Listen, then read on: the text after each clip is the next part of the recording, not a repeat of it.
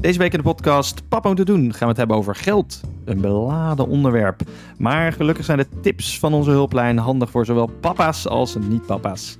Het gaat over hoe we onze kinderen klaarstomen voor de harde financiële wereld. In de pappamentjes stuurt Tim zijn schoonmoeder ook nog even terug naar de kamer. En in de tweak van de week kopen de schooljuf om. Verder hebben we nog een boekentip. Genoeg om naar uit te kijken. De beste wensen en veel plezier.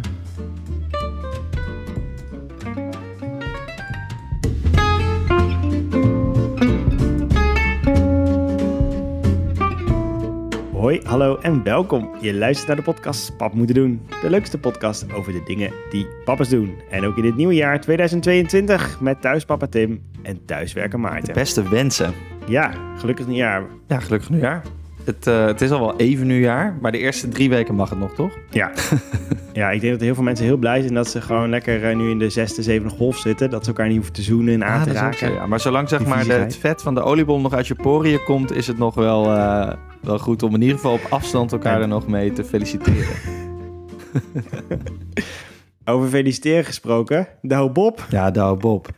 Triple gefeliciteerd, jongen. Als je luistert. moeten we het er even over hebben. Hij heeft wel heel veel aan deze podcast, denk ik, want hij gaat het wel druk krijgen. Hij stuurde ook een tweetje. Eh, even voor de mensen die niet weten wat het verhaal van Douwe Bob is. Douwe Bob is een, eh, een zanger. En eh, die heeft in één jaar tijd, of eigenlijk de afgelopen maanden, heeft hij bij drie verschillende vrouwen, die allemaal niet zijn huidige partner zijn, een kind verwekt. En gekregen al, toch? Ook? ehm, ja, toch? ja. ook, ja, nou, volgens mij, ja. We zijn eigenlijk niet zo goed op de hoogte. Ja. Maar hij tweette dus van, ik ben nog, eh, hè, dat is natuurlijk heel veel nieuws en eh roddel en gossip. Terwijl ik denk, ja, die man moet een keer een lesje voorbehoedsmiddelen krijgen. Dus dat heeft hij misschien gemist. Maar ehm, hij zei, ja, die, dat vaderschap, daar moet ik nog een beetje in groeien. Dus ik denk dat het goed is dat hij dan misschien naar deze podcast luistert.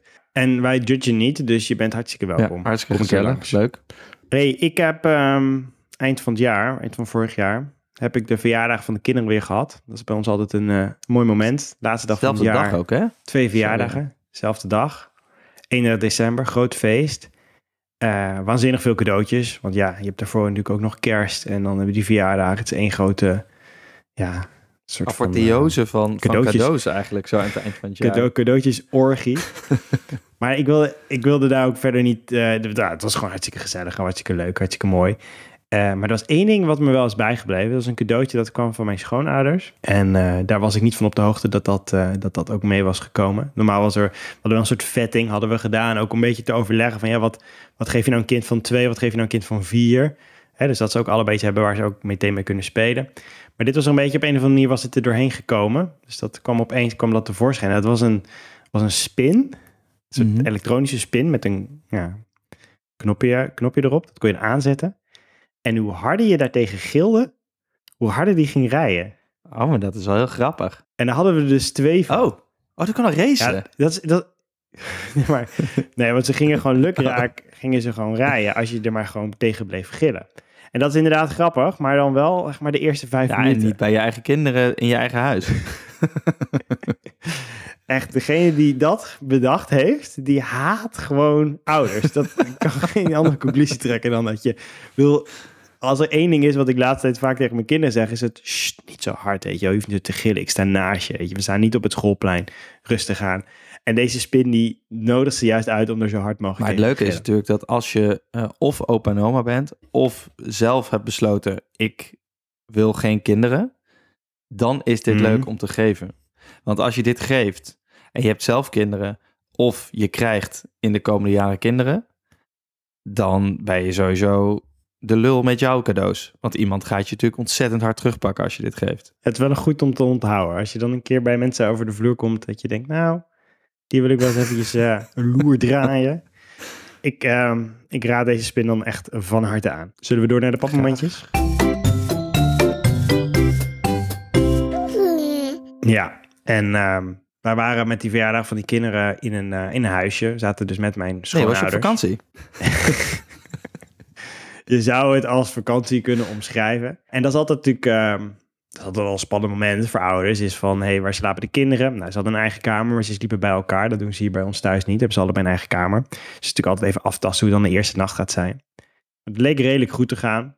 We gingen naar bed. Op een gegeven moment, rond een uurtje of twaalf, denk ik, hoorde ik een beetje zo geschuifel en zo. Dan kwam toch mijn dochter, die kwam even, even langs. Ja, ze moest dan plassen en zo. En ja, dan loop je ook een beetje door het donker dan te zoeken waar eigenlijk dan de wc's, als je dan in, op een vreemde plek bent. Nou, afgehandeld, wij weer gaan slapen, niets, verder niets aan de hand. Goed, een paar uur later, weer hetzelfde geschuifel. Dus ik en mijn vrouw recht op hun bed. Oh ja, dan gaan we weer. Dus wij, "Sst, stil, terug je bed in. Hé, hey, ga slapen. Het is nog geen dag. En steeds harder, want er kwam niet echt een reactie op. Dus nou ja, op een gegeven moment toen hoorden we zo de deur dicht gaan. Ik nou, oké, blijkbaar eh, crisis averted. Toen bleek de volgende ochtend dat dat mijn schoonmoeder was. die in de nacht naar de wc eh, wilde gaan. En dus waarschijnlijk ons heel hard hoorde fluisteren, heel passief-agressief. Ga je bed in, wat doe je nou? Maar wat ze dat zelf ervaren. Nou ja, ze hoorden ze hoorden ons praten, dus ze dacht van, oh, nou, ze zullen wel wakker zijn of zo. Of ze had daar verder niet zoveel bij. Dus had bij jullie helemaal niet gewoon niet ze verstaan? gewoon- Ja, blijkbaar niet, maar ze was toch weer terug naar bed gegaan. Maar wij voelden ons wel een klein beetje lullig dat we naar onze... Wat helemaal leuk was, Nee, dat, is- stel dat ze nou nog even was blijven schuifelen op de gang. Dat jij op een gegeven moment dan zo net iets met de harde bonzen zo... Als de boze papa even zo de, de, de gang oploopt en ineens tegenover je. Ja, inderdaad, zeg maar, met zo'n met zo'n vingertje van... Ja. Bed, naar je kamer, hup, deur dicht. zo'n duw nog meegeven. Mooi, mooi, mooi, mooi. Arme mensen moesten gewoon plassen. Nou ja, dat zijn een beetje de dingetjes die je dan hebt hè, als je dan met elkaar eh, Geestig. in zo'n huisje zit. Ik, ehm, ik observeerde van de week eigenlijk weer dat... ehm, je hebt toch dat, dat boek over die sprongetjes. En eh, ik vind altijd dat dat wel klopt. Dus soms worden ze wakker. Ik weet niet of jij dat ook hebt bij je kinderen. Oei, ik groei. Ja, precies. Maar soms, eh, ik volg dat niet zo in de details, maar in hoofdlijnen, soort van, soms worden ze wakker en dan zie je gewoon, je bent veranderd. En dat was eh, tussen kerst en oud en nieuw ergens, gebeurde dat bij allebei mijn kinderen. Vaak is het wel leuk eigenlijk. Vaak, want het is vaak na een periode van een beetje onrust. Dus het is vaak wel goed. En nu, ehm, nu zag ik voor het eerst eigenlijk iets grappigs bij mijn zoontje. Die begint creativiteit te ontwikkelen zelf. En eh, dat, dat hoor ik wel eens vaker eh, papa's tegen elkaar zeggen van ja, maar dat is waarom het leuk is, weet je al. Hoe zij, hoe kinderen naar de wereld kijken en wat ze dan bedenken en doen. Nou zie ik het dus nu in meerdere dingen terug. Maar ik vond iets, eh, iets specifieks wel grappig wat van de week gebeurde. En dat is eigenlijk dat hij heeft zo'n speelkeukentje.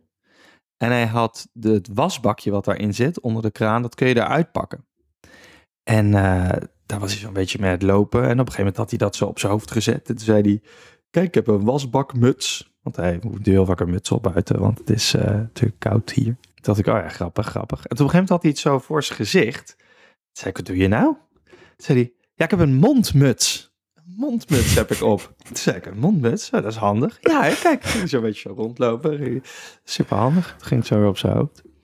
Toen dacht ik, ja, dat is toch geestig, hè? Dan zit hij dus gewoon dingen te bedenken. Ik weet niet, het zal wel een combinatie zijn van dat hij een muts op moet... en dat ik dan een mondkapje draag... en dat hij vervolgens dan dacht, dit past ook of zo.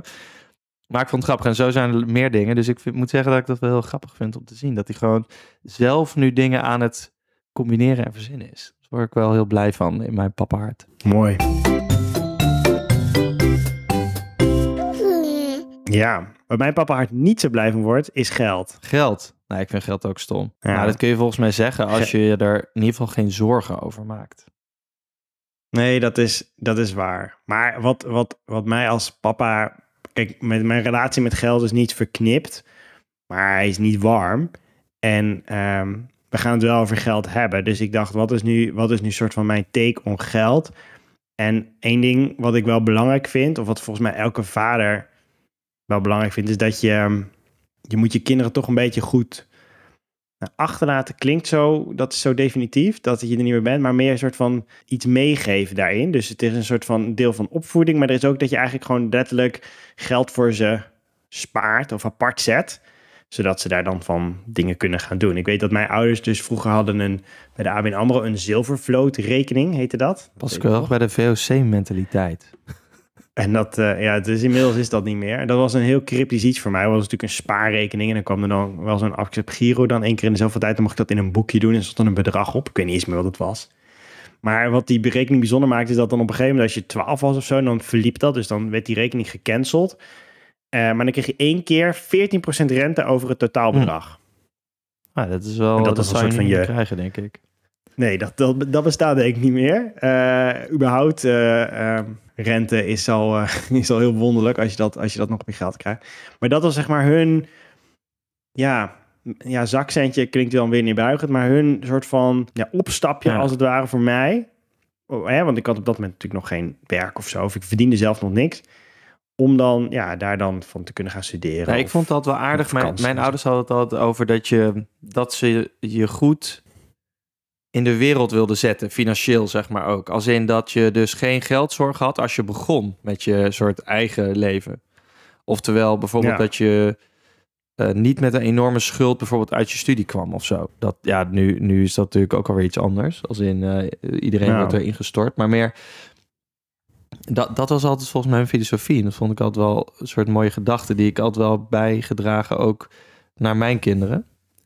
Weet je hoe dat trouwens heette bij ING? Of ik, nee, ik zat bij de Postbank, heette dat toen nog. Altijd. Mijn ouders zaten daar, dus eh, daarom zat ik daar ook.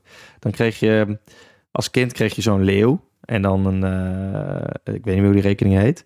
Of misschien was dat wel gewoon de groeirekening of zo. Maar daarna, als je dan 12 was, dan kreeg je je pinpas. En dan heette dat de Sky Blue rekening. En ik weet nog dat we naar het postkantoor slash postbankkantoor, volgens mij zat dat allemaal in één gingen. En dat we toen, dat ik dan mijn pinpas mocht gaan ophalen. Dat was toen wel nog heel bijzonder. En toen kreeg ik dus ook een code erbij. En zei die meneer achter de balie, die zei, deze code moet je goed bewaren. En die mag je aan niemand geven, zelfs niet aan papa en mama. Heeft zo'n Oh. indruk op mij gemaakt toen. Oh, dat is wel echt het moment dat je soort van dat de, de, de financiële navelstreng toch enigszins wordt eh, gebroken tussen jou Ja, en je nou ja, ze hadden volgens mij gewoon nog wel recht hoor. Op die, op de toegang tot die rekening. Maar nee, ik was ook best wel jong hoor. Volgens mij Ja, net dat de ja. middelbare school of zo. Nou, dat had mijn vader ook. Want volgens mij werden die rechten volgens mij overgedragen van die zilvervloot naar die Ja. andere rekening. En die heb ik tot, tot, nou ja, tot vorig jaar nog gebruikt. Dus mijn vader die keek gewoon Ja, mee tuurlijk, naar wat er zeg tuurlijk. maar elke maand werd afgeschreven. Nou ja, goed, zo gaat dat een beetje. Maar ik merk dus dat ik zelf een beetje worstel is van wat, wat, moet ik nou, wat word ik nou geacht te doen als vader? Wat moet ik nou doen voor mijn kinderen? Moet ik nou een spaarrekening beginnen? Moet ik eh, geld in het matras stoppen? Moet ik, weet ik veel, eh, eh, bitcoin voor ze kopen? Vroeger je, stopte je wat- dat in een wat pennymaat. moet- Pennymaat, dat was wat je vroeger deed. Nu moet het allemaal online natuurlijk.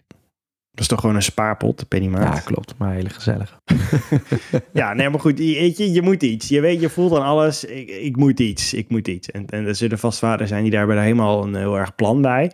Maar ik merkte vooral ook hier bij mezelf, maar ook om me heen, dat eigenlijk de meeste vaders zoiets hebben, oh ja, ik moet iets. Maar wat Doe maar wat. precies?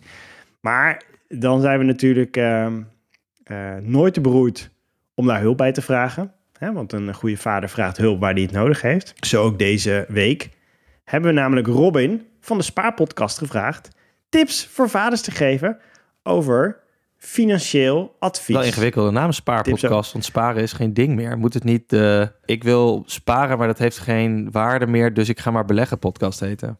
Ja. Oké, ga maar luisteren. Ehm, ik denk, Zet Robert maar nieuw... ik zet het aan.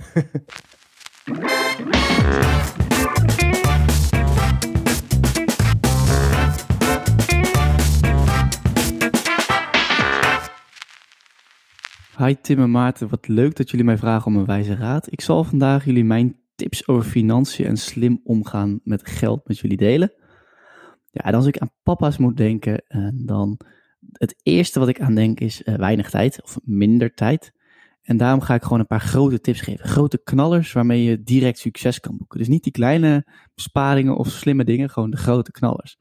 En de eerste die ik mee wil geven is de hypotheek. Veel papa's zullen ook een hypotheek hebben. Die zullen een vrouw hebben en een koophuis. De meeste, denk ik, in ieder geval die luisteren. En wat ik daar echt aanraad is om eens te kijken naar de schuldwaardeverhouding. Dus kun je door middel van een nieuwe taxatie de schuldwaardeverhouding verlagen? Kun je in een lagere risicoklasse komen? Als je dat kan, dan kan dat vele euro's per maand besparen. En op de lange termijn is dat natuurlijk superveel geld als je dat weer bijvoorbeeld op een index beleggingsrekening kan zetten. Nou, de tweede die ik mee wil geven, en dat is ook een beetje gerelateerd aan het feit dat ik veel mensen spreek en vaak gaat het een beetje zo. Eén grote financiële beslissing per keer. Dus dat is dan huis of kinderen, huis, pensioen.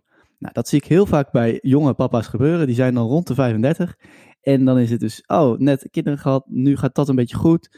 Uh, hoe zit het eigenlijk met mijn eigen persoonlijke financiële, situatie? Dus ik zou zeggen, ten eerste vergeet die niet. En ten tweede, zoek dus eens je pensioen uit. Nou, en daar help ik heel veel mensen graag mee. onder andere met een e-book. Maar waar het op neerkomt is, bereken eens of je jaarruimte hebt. Want als je dat hebt, dan kun je echt, echt ontzettend veel geld besparen en ook verdienen door dit eventueel te benutten. Dus het is echt mega interessant om deze optie uit te zoeken. Ik zal hem niet helemaal uitleggen, maar alle informatie is te vinden en je kunt hier echt grote klappers maken. En het leuke is, het is echt een van de best bewaarde geheimen van Nederland. Ik denk dat dat er wel een beetje is voor vandaag. Misschien nog één laatste om af te sluiten. Ik, ja, ik ben nog geen papa, maar ik zou het wel graag willen worden. Dat weet ik al een tijdje en uh, ja, dat heb ik ook al uitgesproken, dus dat is geen geheim. En wat is nou het lullige? Ik kan nog geen indexbeleggingsrekening op de naam van een kind openen. Terwijl ik dat eigenlijk wel zou willen. Um, dus dat is ook mijn tip voor papa's. Van maak gebruik van samengestelde rente. En open gewoon die rekening voor je kind. Want je gaat ze zo'n grote voorsprong geven als het daar gewoon, al is het maar 50 euro per maand, 18 jaar lang, 20 jaar lang kan renderen. Ik gun mijn kind of kinderen dat echt van harte en ik hoop jullie ook. Ontzettend veel plezier met de rest van de podcast.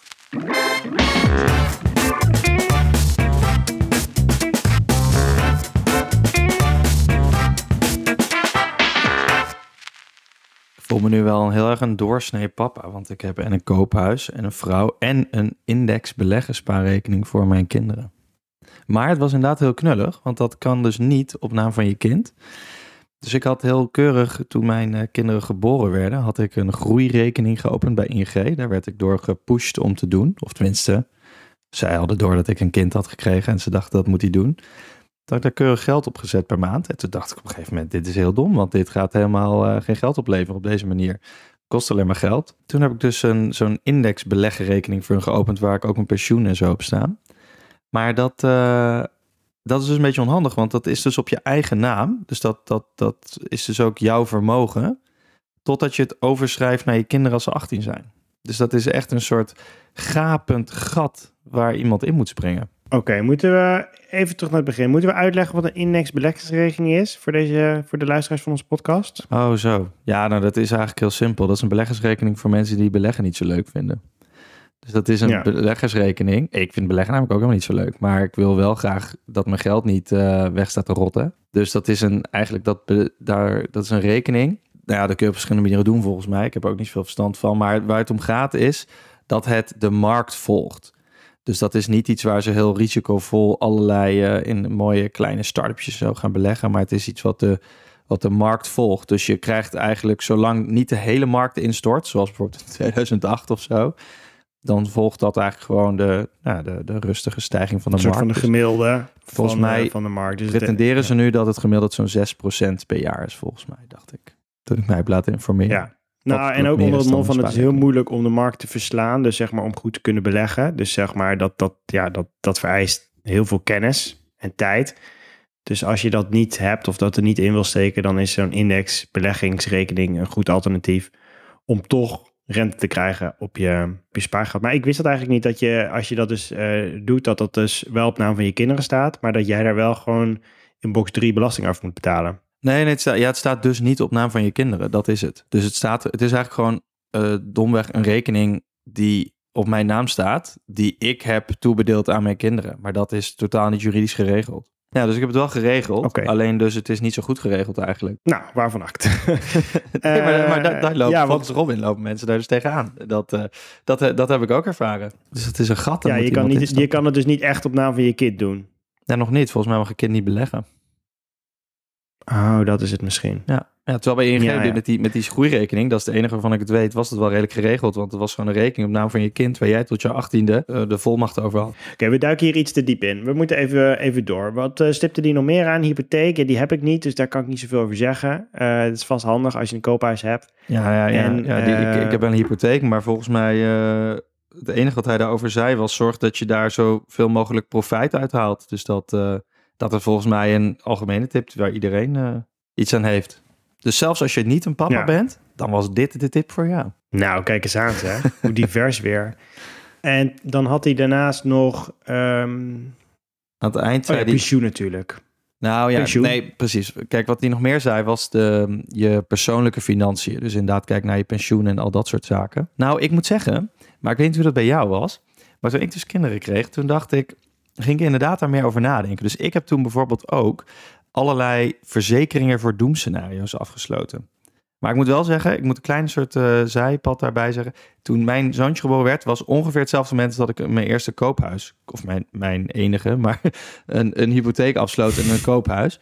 Dus toen dacht ik... Uh, dan moet, ja, nee, precies. Maar dus het voelt wel, um, uh, het voelde toen als een moment dat ik alles moest regelen. Dus toen ben ik arbeidsongeschiktheid en uh, overlijdensrisico en pensioen en al die rotzooi ben ik toen gaan regelen. Dus dat, dat voelde inderdaad net als wat hij zegt, voor mij heel erg als een moment, oké, maar nu moet ik even mijn financiële shit op orde krijgen. En dat, dat heb ik denk ja. ik redelijk inmiddels. Maar dat, dat, dat, dat was wel, dat voelde inderdaad zoals hij dat zegt, zo, als zo'n moment. Maar ik weet niet hoe jij dat hebt ervaren. Nou, ook wel. Je realiseert je opeens dat je natuurlijk niet meer alleen maar verantwoordelijk bent voor je eigen toekomst, maar ook voor een groot deel voor de toekomst van je kinderen. En daar is gewoon, daar moet je dan iets mee. Dus je wilt iets voor ze sparen. Je wilt iets, um, nou, je wilt zorgen dat ze niet in een rats komen als er iets met je gebeurt. Dat ze meteen ja. onder de brug moeten, moeten gaan slapen. Dus nee, tuurlijk, dat is een heel logisch moment om dat soort dingen uh, uit te gaan zoeken. En daarnaast, maar goed, dat, is natuurlijk, dat loopt er een beetje doorheen, is dat je ze along the way. Kijk, ik wil mijn kinderen niet met alles belasten over geld en over rekeningen en wat ze al dan niet krijgen als ze, als ze 18 zijn. Het gaat, er, het gaat natuurlijk ook om dat je ze in de loop der jaren meeneemt in dat heel veel beslissingen die je neemt, waar zij ook bij betrokken zijn, bijvoorbeeld over vakanties, dat daar en dat, daar, dat, dat, dat dat met geld te maken heeft. Wat er al dan niet moet zijn. Um, dus die financiële opvoeding, we noemden het net al eventjes. Dat, zit, dat zit, vind, ik, vind ik ook heel belangrijk. Zeker. En daar worstel ik ook mee. Dus aan de ene kant, wat moet ik zelf doen? Wat moet ik gewoon echt doen als papa voor mijn kinderen? Maar daarnaast, wat moet ik, wat ik hun vertellen over geld en wanneer? Maar het aardige en, stuk dat dat eerste kun je gewoon zelf regelen op het moment dat ze geboren ja. worden, al voordat je die opvoeding moet doen. Nou, laten we zeggen dat je dat dan op een gegeven moment soort van op orde hebt. Ik denk dat heel veel vaders dat toch niet, niet al voor elkaar hebben. Nee, nou misschien, misschien niet. Maar goed, daar zijn de tips van Robin voor. En dat is goed. Dus dat, dat, dat ja. is denk ik iets wat je kan regelen voordat je met die financiële opvoeding van je kind moet beginnen. En dan komt inderdaad dat. Ja, en dat, dat is eigenlijk meer, als je het dan goed voor ze geregeld hebt, hoe gaan zij er dan mee om? En dat is ja. inderdaad wel, wel cruciaal. Hoe zorg je ervoor dat als ze dan die, die, die rekening op uh, in mogen, als ze 18 zijn, niet meteen alles nee, uitgeven? Ja, precies. Aan, en ik, ik denk dus dat het ook wel heel erg... Schoenen. Uh, volgens mij moet je jezelf dan ook bijna afvragen van... hoe wil je dat er omgaan wordt met geld? Als in het verschilt nogal een beetje per cultuur. Als in, in, in, in de States bijvoorbeeld heb je heel erg dat de creditcardmaatschappij... en dat iedereen... Uh, juist geld leent. En dat is daar heel normaal. En dat hoeft op zich niet eens een probleem te zijn als je gewoon keurig je rekeningen betaalt. Maar hier in Nederland zijn we veel meer van sparen. Volgens mij bij het meeste spaargeld uh, per persoon uh, van heel Europa in ieder geval. Omdat wij gewoon dat oppotten en zo. Dat is een beetje hoe wij als Nederlanders over het algemeen naar geld keken. Heel zeker, met heel veel verzekeringen en zo. Dat is allemaal... Dus het is ook een beetje hoe wil je jezelf dat je dat je kinderen daar naar kijken, toch? Dat moet je je misschien eerst afvragen. Ik zag iets voorbij komen van uh, een uh, schrijver van een boek. Dat heet Sparen, vraagteken, kinderspel. Dat gaat over hoe je kinderen meeneemt in financieel wijs worden. Het is van Liesje van Neste. Volgens mij is dat een Belgische. Een van de dingen die me nabij blijft is gebleven. Ik heb het boek niet gelezen hoor, maar ik las een soort van een uitdruksel ervan en er stonden een paar tips. Hoe doen we dat? Ja, maar ja, waar, waar had ik de tijd van om het boek te lezen?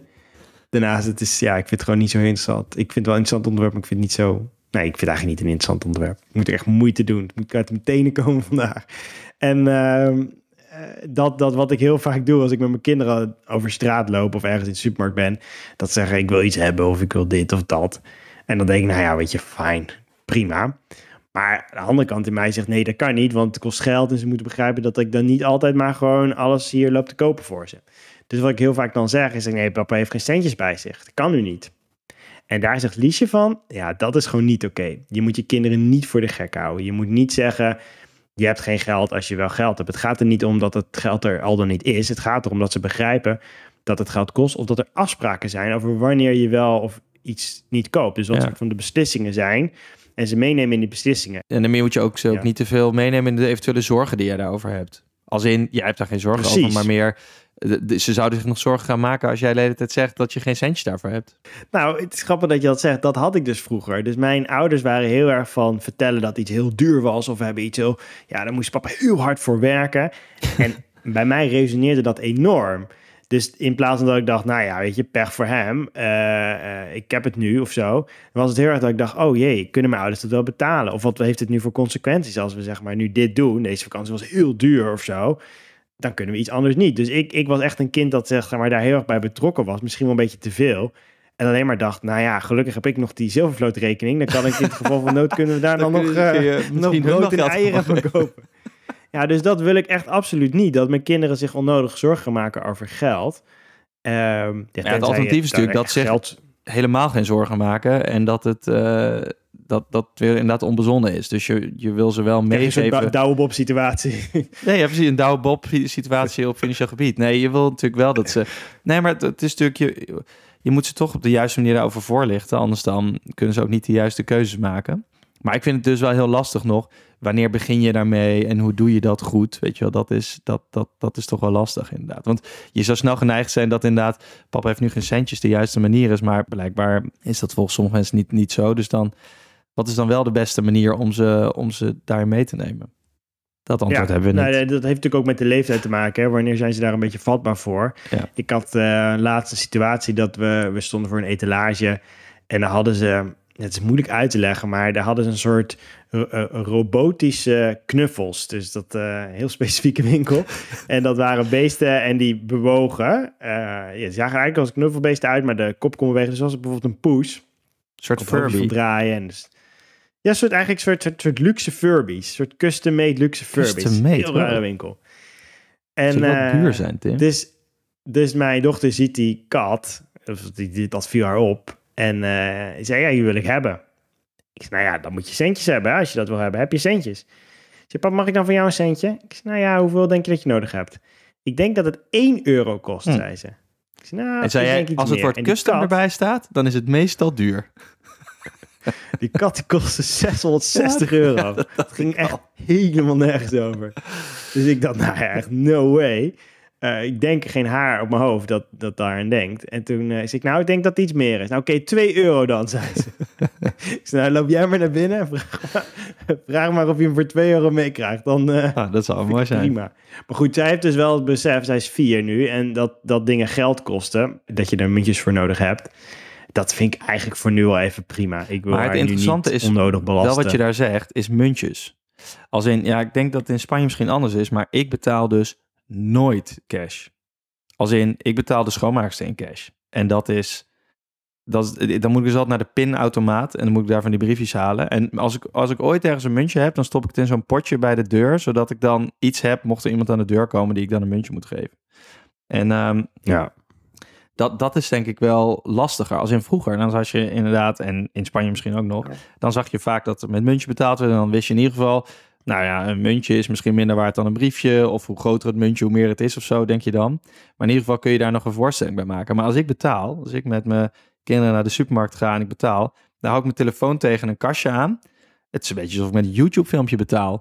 Of wat doet hij nog meer op die telefoon? Of ik er een wekker op zet, weet je wel? Dus een soort, ik betaal nu met een wekker. Dus een soort, dat is hetzelfde. Maar dit, dit hoor je echt al jaren. Hè, van we betalen steeds meer met cash. Dit geldt ook voor mensen die gewoon eh gat in de Ja. hand hebben. Ja, pin het dan. Dan weet je in ieder geval hoe het eruit gaat. Maar dan denk ik van oké, fijn. Maar wat je al zegt, hè, je moet naar een pinautomaat. Een beetje gedoe. Pinautomaten zijn ook bijna nergens meer. Ehm, ik denk ook van ja, dat kan je wel zeggen. Maar dat is niet de toekomst. De toekomst is niet dat je nog geld ergens gaat pinnen. Sterker nog, als ik mijn kinderen dat vertel, dan... Ze hebben niets aan die kennis. Kijk, het is leuk als ze zien dat er papiergeld is. Dus hoe geld werkt. En daar kan je het misschien mee gebruiken. Het is heel illustratief. Maar ja... Nee, maar dat, dat, is dat is geestig. Ja, we hadden voor Sinterklaas had, eh, had mijn zoontje bijvoorbeeld een eh, kassa gekregen. Zo'n houten kassa, best een mooi ding. Waarmee je kan spelen. En er zaten dus muntjes en briefgeld in. Maar er zat ook een pinapparaatje aan vastgekoppeld. Zo'n eh, houten blokje met van die toetjes erop. En er zat er een pasje bij. En dat had ik, nou, had ik hem laten zien. Van dat moet je dan er doorheen schuiven. En dan, eh, nou, dan heb je betaald. En eh, nou ja, dat oké. ja, dat is natuurlijk een beetje abstract. Maar die handeling kon je wel verrichten. Maar toen dacht ik, ja, wat ben ik nou aan het aanleren? Want dat is helemaal niet iets wat hij ooit hoeft te kunnen. Nee. Maar het gaat veel meer om het concept van geld. En dat is dat, dat we moeten nieuwe manieren verzinnen om ze dat uit te leggen eigenlijk. Ja. Je hebt volgens mij wel heel veel, Nou maar ja, precies, ik zit nog niet in die fase.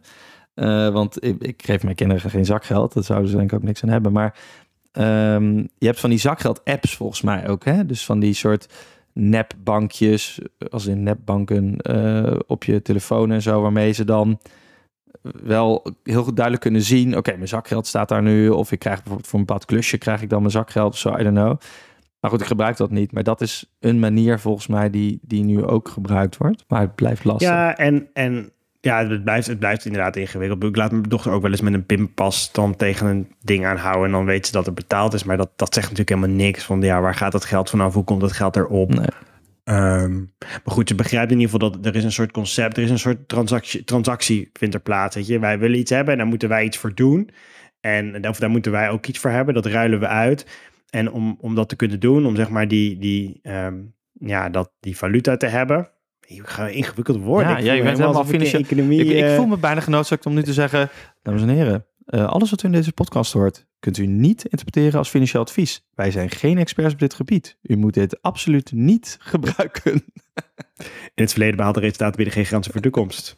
Lekker. Nee, ja, weet je, het is. ehm, nee, maar, maar, maar volgens mij is het, wat je, wat je het snap- uitlegt, ja. het is de schaarste van geld die er altijd is, tenzij, eh, nou ja, die er in principe altijd is. Volgens mij is dat hetgene Mhm. wat, wat je ze ook bij moet, wat je eigenlijk met naam bij moet brengen, toch? Ja. En dat is een beetje, dat is inderdaad, papa heeft nu geen centje, is dan niet de manier. Maar dat er toch, dat je keuzes moet maken over wat je ermee doet. keuzes. Omdat er een bepaalde Precies. schaarste is, dat, dat wil je ze eigenlijk met name meegeven. Volgens mij zit het Precies, daar. dat is het. Nou, mooi. Dit voelt heel afgerond. Ik ga, laten we snel door naar de tweak van de week.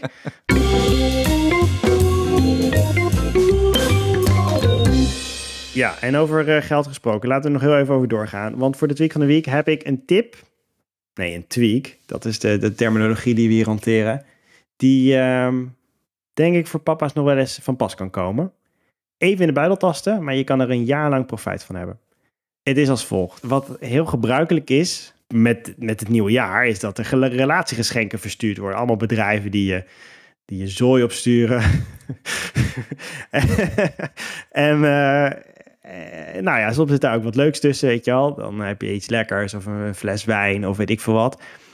Ehm, maar wat ik dus doe aan het eh, begin van het jaar, ik ga naar de, de juffen toe, in dit geval van mijn kinderen. Dat zijn er verschillende juffen toe.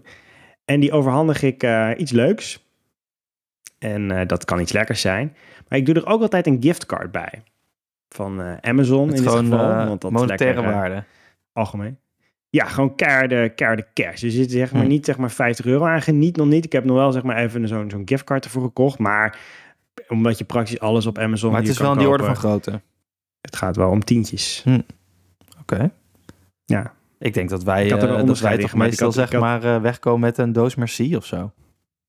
Ja, nou ja, goed. Die zat erbij. Maar daar zit dus wel gewoon even Ja, zo'n ja. zo'n zo'n giftcard aan. En bij, bij mijn eh, corruptie. zoon, die zit op de opvang. Dus er waren er drie juffen. Dus had ik er dan, dat ik dan een beetje het, het gesplit. Dus dat ik allemaal iets minder gegeven. En die van mijn dochter had ik iets meer gegeven. En dan denk je, Tim, wat doe jij? Jij koopt die juffen om. Dat kan niet. Dit is helemaal niet oké. Nou, laat ik ten eerste zeggen. Ze waren allemaal heel erg blij mee. Dus zeg maar, eh, hartstikke bedankt. Is dit gebruik in En, Spanje? dat je zeg maar die juffen, nou laat ik het woord omkopen misschien vermijden, maar dat je ze eh, gewoon eh, harde cash geeft? Nou, het is volgens mij gebruikelijk in zoverre dat je ze iets leuks geeft. Kijk, ehm, waar mensen toe vaak toe geneigd zijn, en dat zeg ik nog maar eventjes vanuit mijn eh, beperkte ervaring als vader die ik heb, is dat ze denken, oh, dan laat ik mijn kind een tekening maken voor de juf. Nou, daar zitten ze dus echt niet op te wachten. natuurlijk, maar die, aan die tekening niet je Want- dan dus een, eh, een doos eh, chocola of zo.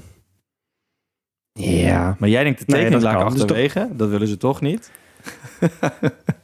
Ja, kijk, die doos Messi is attent. Ik denk dat dat een goed begin is. Maar ik wil maar gewoon zeggen, kijk, ehm, ik, ik verwacht niks terug. Ik vind dankjewel hartstikke fijn. Maar mochten zich Ja, maar dit is het. in de loop van het jaar een situatie voordoen waarin ik iets vergeet, waarin ik zeg maar.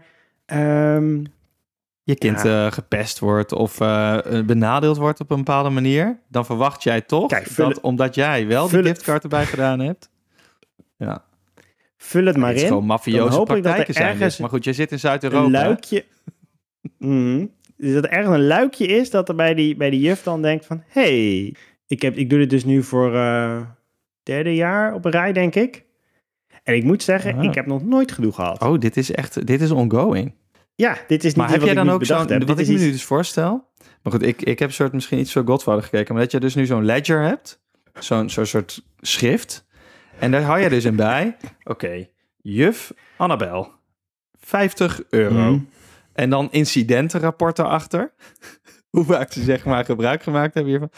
Oké, juf Roos.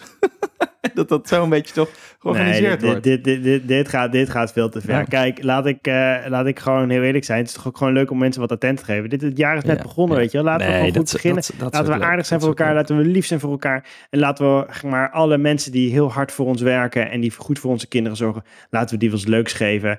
En ehm, nou Nou, ja, ik vind er goed over nagedacht. Maar dus ehm, ik moet Ja. zeggen dat ik zelf misschien onge- me ongemakkelijk zou voelen om dus een soort harde knaken te geven of zo. Ja, ja, maar ja Nee. ik weet. daar moet je gewoon overheen stappen. Ik bedoel, ik denk dat jij het ook heel leuk vindt... als ik jou 50 euro geef. En door. Hm. Wilde je nog iets zeggen? of niet? ik, ik was gewoon een beetje ondaan of zo over de situatie. Maar nee, ik vind het goed. Oké, maar dus jij, je, de tip is, ik moet dat volgende, volgende keer gewoon doen. Dus De tweak van de met, week met is... de zomer ja. geef ik gewoon eh, harde cash aan alle juffen. Nee, nu. Nou, Oh, weet nu? je wat, wat, wat let je? Je zegt Ah. zelf, het is, de, het is, het is een nieuwe Ah, jaar is net begonnen. Dan zeg ik, oké, de oliebollenvet. Ik rook het oliebollenvet nog, dus hier is eh 50 euro. Ah, ik moet een beetje romantisch aankleden natuurlijk. Oké, is goed. Dat Oké, zou door. ik wel doen, ja. Oké. Hebben we nog tijd voor iets leuks? Een tip? Ik heb nog een Een tip. eenmalige rubriek. De boekentip van de week. Ja, ik heb een boek gelezen. Nee joh. Mensen. Ja, een boek gelezen. Had je beter over iets Nou financieels kunnen doen, want dan hadden we in ieder geval nog eh, goede tips gehad. Maar goed beslagen ten einde gekomen. niet het gouden hoer wat we altijd doen. Nee, ehm, dit eh, ging... ehm het is een boek wat enigszins te maken heeft met het vader zijn. En ik zal het heel kort even uitleggen. Het is een boek van Angela Wals. En het heet De jongen die wilde mislukken. En eh, het verhaal is als volgt. Het is een waar gebeurd verhaal. Zij is journalist. En zij kregen op een gegeven moment een relatie met iemand die ze Thomas noemt in dat boek. En na een tijdje, eh, volgens mij op het moment, nou nog niet als ze eh, in verwachting is, maar ergens in die, in die, die eerste periode van hun samen zijn, biecht hij op dat hij een crimineel verleden heeft. Dat Mm. hij ooit, toen hij jong was, 17 of zo, overvallen heeft gepleegd, gewapende overvallen. En eh, nou ja, zij wordt zelf moeder en ze denkt, ja, ik heb gewoon een kind van een crimineel, draag ik, zeg maar. Dat, eh, in plaats van een kind van mijn douwe Bob, een kind van een crimineel. En zij gaat op onderzoek uit over hoe dat is gekomen en en want hij komt eigenlijk uit een heel normaal gezin. En, en de ouders waren er altijd. En die hadden een zilvervloot rekening voor hem. Dus dat is eigenlijk geen enkele reden om zeg maar, zo het verkeerde pad te gaan. Dat gaat ze helemaal uitzoeken. En ze gaat met al die mensen praten die betrokken zijn geweest bij die overval. Het is een fascinerend boek. Het is echt een heel mooi soort van terugkijkje in de geschiedenis van iemand die je niet kent. Maar het leert je wel heel veel over hoe bepaalde keuzes in het leven je opeens een andere, net even zeg maar een andere hoek op kunnen duwen. Kleine en uiteindelijk keuzes. komt het dan ook wel weer goed. Kleine keuzes. Ja, Ja, nee, maar, nee, vind ik, nee, Nou ja. maar dus, dat ik, dus zijn het kleine dingen? Of ze maakt die soort hele grote... Of zijn het kleine dingen die ineens heel veel impact hebben? Nee, het zijn kleine Ja. dingen die impact hebben. Want dat is natuurlijk altijd zo. Mensen zijn heel erg geneigd om te denken... oh ja, dat is goed, dat is slecht. Maar zo, zo zwart-wit is het Nee. dus vaak nooit. Is het dus vaak niet. Of nooit. en eh, ik vond het een fascinerend boek om te lezen. Het is niet dik en het... het, het, niet, het zet me aan het denken. Als vader, als, als mens. Dus ik wil dat even noemen. Het is een boek van een paar jaar geleden. En ik zal het in de show notes zetten. Dus dankjewel Angela voor het schrijven van dit Ah, boek. dat is lief van je. Ik, Dit was de ik zat toch nog heel even over Douwe Bob te denken overigens, hè? Hmm. Twee dingen eigenlijk. Eén, hoe is dat voor die moeders? En wisten ze dat? Dat vind ik dan eigenlijk fascinerend, maar dat is vast bekend. Dat weet ik dan gewoon niet. Dat ze van elkaar wisten dat hij al meerdere kinderen had. Dat Ja, denk ik dat- niet. Want ze nee. tegelijkertijd... Maar ja, dan hoe is dat, weet je wel? Dat je niet, eh, dat je weet van, oké, tegelijkertijd eh, vindt dit nu meerdere keren plaats. Maar oké, Mhm. en het tweede is inderdaad van, hoe heeft die, wat voor impact heeft die keuze op die kinderen? Dat lijkt me toch ook wel fascinerend. Kleine keuzes. Ja, dat, weet, dat weten we pas over 20 nou, jaar. fascinerend. Als we over dit, 20 zeg jaar maar, deze voor- podcast maken, denk ik dat we begin eh 2042 daar misschien toch heel even kort Ja. stil, bij stil moeten staan. Dan gaan we eens even terug naar dat moment dat die kinderen tegelijkertijd geboren werden. Of nou, in ieder geval in een periode van een paar weken. En Ja, eh, dat is wel het fascinerend. is ook wel gek hè, dat ze nu allemaal zo vlak na elkaar geboren worden, Ja. toch? Ja, dat vind ik, ik vind het wel echt een fascinerend verhaal toch Dat eigenlijk. betekent ook dat ze allemaal op, meer, op hetzelfde moment verwekt zijn. Maar het lijkt Dus, mij ook ja. heel, heel erg... eh, te ja, precies. Maar het lijkt, het lijkt mij heel erg helemaal niet leuk. maar goed, genoeg over de oude Bob. Het zit erop. Ja, Bob, het Yes. zit erop. Het is klaar. Wij deze kunnen week. eigenlijk alleen nog maar eh, verwijzen naar onze Instagram. We gaan eh leuke plaatjes voor jullie maken. En eh, daarnaast vinden wij het ook weer in dit jaar natuurlijk hartstikke leuk... als je even laat weten wat je van de podcast vindt. En dat kan onder andere op Spotify. Zoek ons even op. Of je luistert al op Spotify en dan is dat gemakkelijk. En geef ons even het aantal sterren dat je ons toebedeelt. Vijf. Vinden we gezellig. Zeg maar dat staat een beetje gelijk aan 50 euro van cadeaubonnen. Eh, en als je één doet, nou, dan eh, dat mag ook. nou, dat vind ik niet zelfs als een tientje als je ons Nee. een ster geeft. Nee, nee, dat, eh, één voelt wel als, als min 10 euro.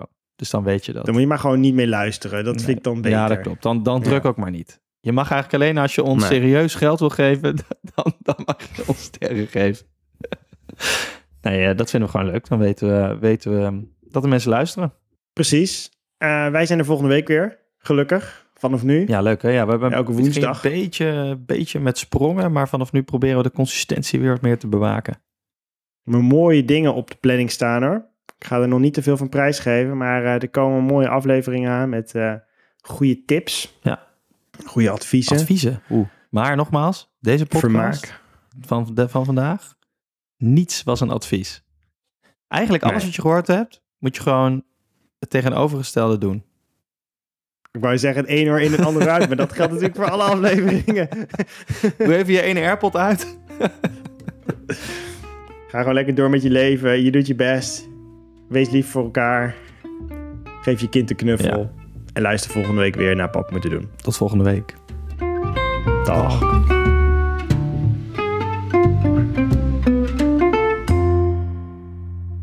Papa moet het doen. Ik slechts.